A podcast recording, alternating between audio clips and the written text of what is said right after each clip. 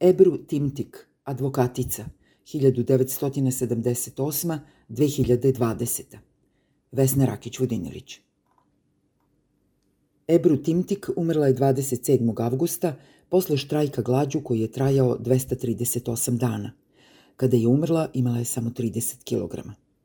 Zajedno sa još nekoliko kolega advokata, Timtik je bila optužena i osuđena za održavanje kontakata sa zabranjenom revolucionarnom narodno-oslobodilačkom partijom Frontom, koja je označena kao teroristička organizacija u Evropskoj uniji i Sjedinjenim američkim državama, te za neka od krivičnih dela koje su počinjili članovi te organizacije. Zašto je Ebru Timtik štrajkovala glađu? Tražila je od svoje države, Turske, pravo na pravično suđenje. Dočekala ga nije.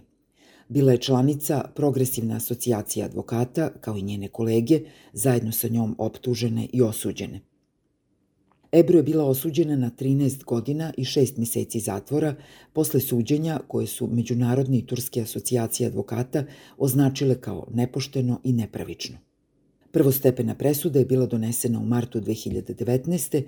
a potvrdio ju je Regionalni apelacioni sud u oktobru 2019.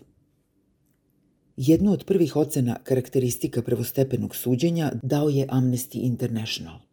Današnja presuda je travestija pravde i ponovna demonstracija nesposobnosti sudova obogaljenih političkim pritiskom da sprovedu pravično suđenje. Kao i Ebru Timtik, svi ostali osuđeni advokati su članovi ili progresivne asocijacije advokata ili Narodne pravne kancelarije. Optužnica protiv njih bila je zasnovana na iskazima svedoka, među kojima su preovlađivali tajni, anonimni svedoci i na policijskim izveštajima o digitalnim zapisima optuženih. Kasnije, u toku prvostepenog sudskog postupka, sud nije dozvolio optuženima i njihovoj odbrani da ispituju policijske izveštaje, niti da ispitaju svedoke. Predsednik Istanbulske advokatske komore Mehmet Durakoglu je o tom suđenju izjavio za Deutsche Welle da za Ebru Timtik nije bilo konkretnih dokaza i da je suđenje bilo zasnovano na iskazu tajnog svedoka, kojeg je tužilaštvo koristilo i u drugim slučajevima. Durakoglu tvrdi da je sud toliko prekoračio granice nepristrasnog suđenja da je svedoka podsjećao na neke činjenice, a svedok se na tome zahvaljivao. Prošlog meseca jedan od tajnih svedoka se obratio Vrhovnom sudu Turske zahtevom da sud ne uzme u obzir njegovo svedočenje jer ima mentalnih problema, o čemu postoji dijagnoza lekara. Međutim, ovaj zahtev je predat 2020. godine, dakle, tek pošto je regionalni apelacioni sud u oktobru 2019. potvrdio prvostepenu presudu. Za Ebru je bilo kasno. Savet advokatskih komora i pravnih udruženja Evrope je posmatrao suđenje turskim advokatima i o tome izradio detaljan izveštaj objavljen u junu 2020. Ovaj izveštaj sadrži niz podataka o, eufemistički rečeno, disfunkcionalnosti i političko-policijskoj zavisnosti turskog krivičnog pravosuđa, o nepoštenom postupanju, šta više i o torturi, o izrugivanju zdravom razumu. U sve to bi se teško moglo poverovati kada se ne bi živelo i imalo iskustva sa pravosuđem ovde, u Srbiji. Izdvojit ću samo nekoliko primera zloupotreba i podređenosti pravosuđa koji se u novo, najnovije Vučićevo pravosudno doba sve češće pojavljuju u Srbiji i to kao očigledni primeri sudskog neprava, za čije detektovanje više nije potrebno pravničko obrazovanje. Oni su krivično pravna tekovina diktatorske ili autokratske političke volje pantokratora Turske i Srbije. Nije ova ocena ni nova ni teška.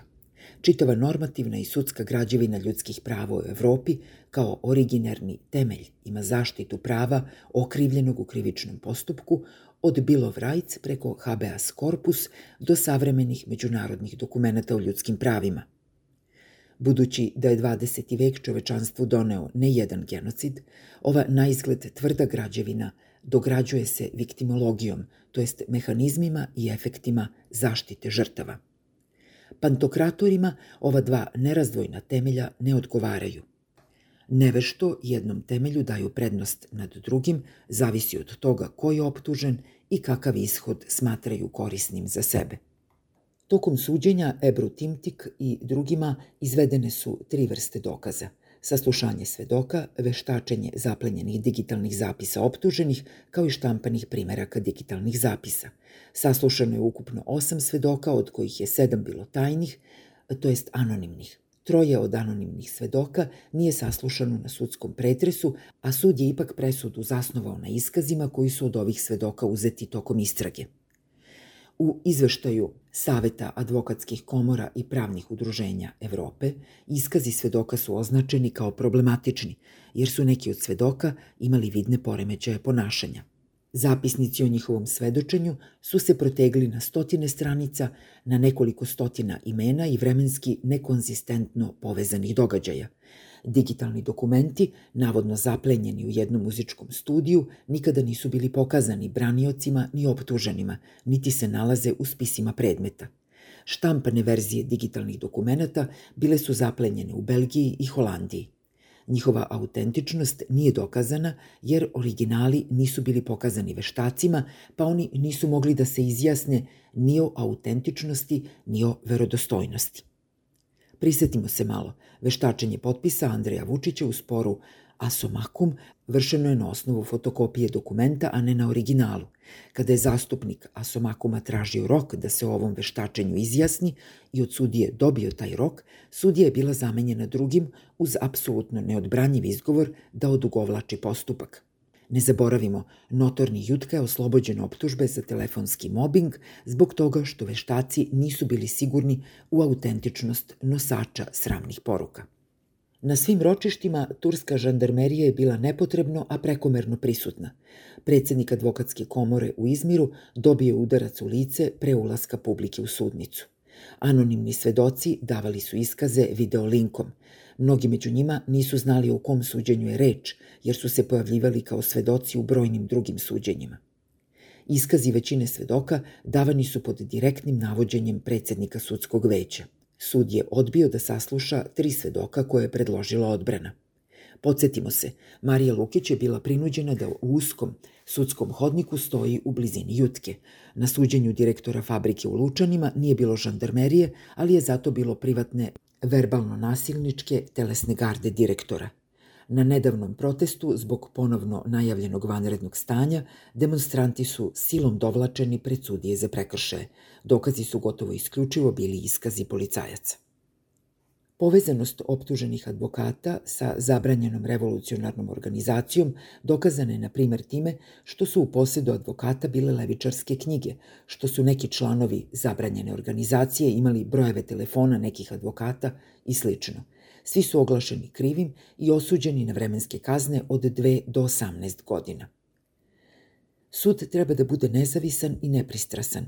U ovom suđenju nije imao ni jedno od ovih svojstava – Zaboravimo na pravne regule, držimo se pravila i običaja svakodnevnog života.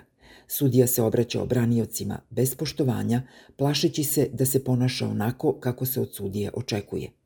U toku postupka ograničavanje broj branilaca, neki su sprečavani da uđu u sudnicu, u toku izlaganja oduzimana im je reč. Turski sud je dirnuo i u prastaro pravilo da se nikome ne može dva puta suditi za isto delo – Jedna od optuženih prema kojoj je ovo pravilo prekršeno bila je i Ebru Timtik. Okrivljenima i njihovim braniocima nije bilo dato dovoljno vremena da pripreme odbranu, čak ni da se upoznaju sa osnovnim elementima predmeta.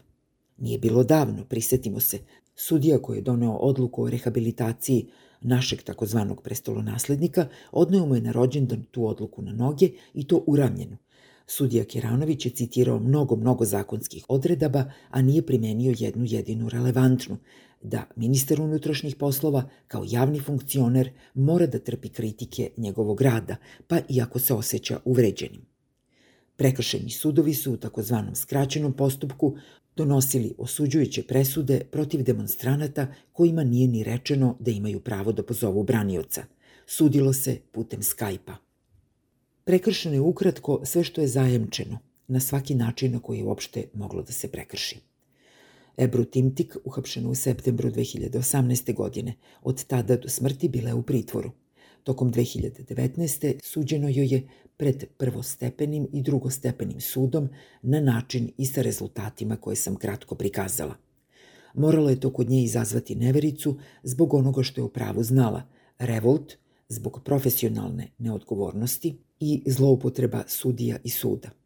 Štrajka glađu počela je 2. januara 2020. ne sa nekim zahtevom za abstraktnom i opštom pravdom. Tražila je da se njoj i drugima sudi na osnovu zakona, onako kako on glasi i u elementarno pravičnom postupku. Bila je zatočena u zatvoru Silivri, jednom od onih sa strogim bezbednostnim merama.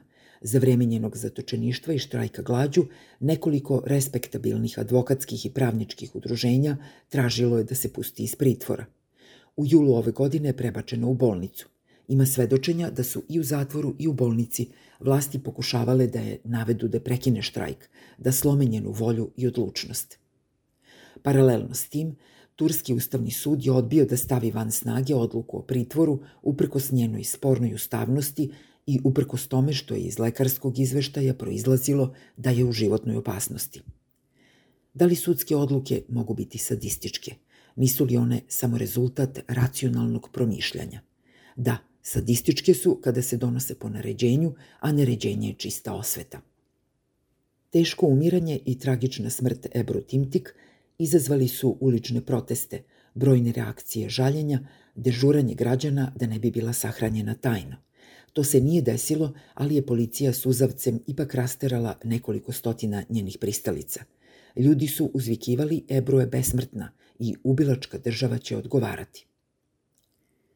Da li će Ebru Timtik ostati zapamćena i kada prođe vreme smirivanja emocija? Prihvatala je i zastupala u slučajevima u kojima brojni advokati nisu smeli. Srčano se borila za svoje klijente. Nije odstupala niti popuštala pred pretnjom. Zastupala je teroriste, naročito kurde, i zato su je nazivali izdajnicom i teroristkinjom. Prisetimo se – Advokat Srđa Popović je bio branilac Andrije Artukovića, nazivan je svakojako, od ustaše do izdajnika. Ni u jednom od ova dva slučaja nije se radilo o nesposobnosti da se odvoji ličnost okrivljenog od profesionalne dužnosti advokata da štiti prava tog okrivljenog, bez obzira šta je učinio i šta mu se stavlja na teret. Ne, bila je to organizovana moralna panika vlastodržaca i njihovih slugu, ne toliko što im smeta okrivljeni, koliko što im smeta advokat, koji pokazuje i dokazuje vlastodržačke uticaje na sud. Ebru Timtik je pravnička heroina jednog mračnog doba Turske, kada se izabrani predsednik ponaša kao nasledni sultan. Taj i takav sultan Erdogan je po mnogo čemu uzor srpskom sultanatu koji je za sad u pokušaju – ne zato što Vučić ne želi sultanska ovlašćenja, nego samo zato što nije u prilici da ih realizuje pod postojećim uslovima.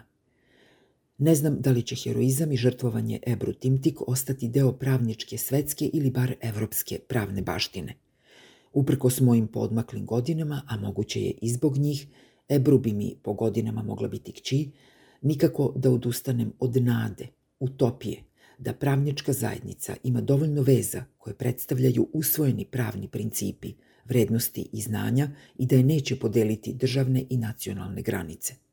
Morali bismo biti obavezani brojnim žrtvama pravničke profesije, na primer italijanskih sudija Falconea i Borsellina, koji neće biti tako brzo i lako zaboravljeni, jer je aerodrom u Palermu nazvan po njima, budući da su obojica bili žrtve mafijaške osvete – osim ako se Vesićeva manija preimenovanja svega i svačega ne zapati i u Italiji. Imamo i naše balkanske pravničke žrtve, ne samo Ebru Timtik. Mi u Srbiji imamo, imali smo, sudiju Nebojšu Simeunovića. Zaboravili smo ga.